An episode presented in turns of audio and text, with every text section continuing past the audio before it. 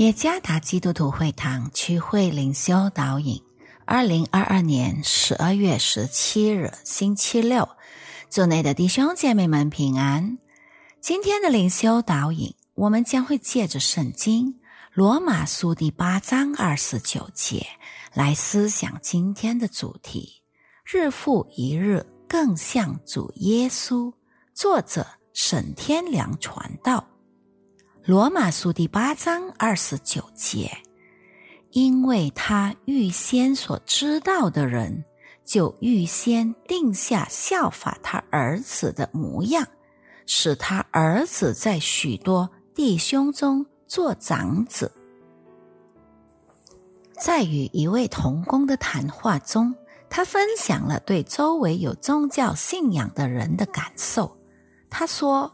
虽然我与他们之间有着不同的信仰背景，但是我们仍能彼此关怀。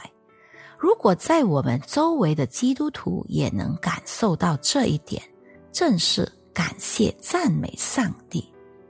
成为光和盐是神对我们每个人的托付，故此我们必须在现实的生活中反映出来。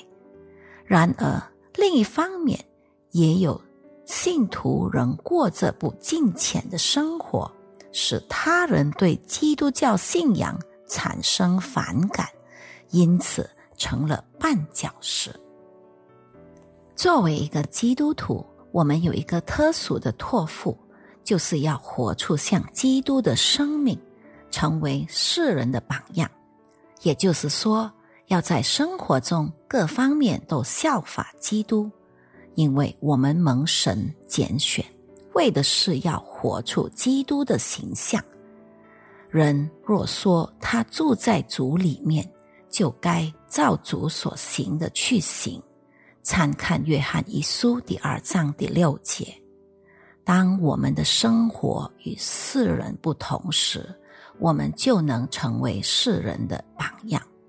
当我们活出像基督的生命时，我们的生命就与世人截然不同了。要过属天的生活实在不容易，全在乎我们对圣灵引导的态度。因为作为在基督里新造的人，住在我们里面的圣灵将会通过督责。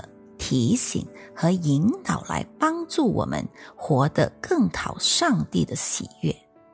当我们愿意对此做出适当的回应时，我们就有能力行基督所行的事。倘若我们自称是基督徒，却不在我们的生活中彰显基督的荣美，这有何意义呢？愿上帝赐福于大家。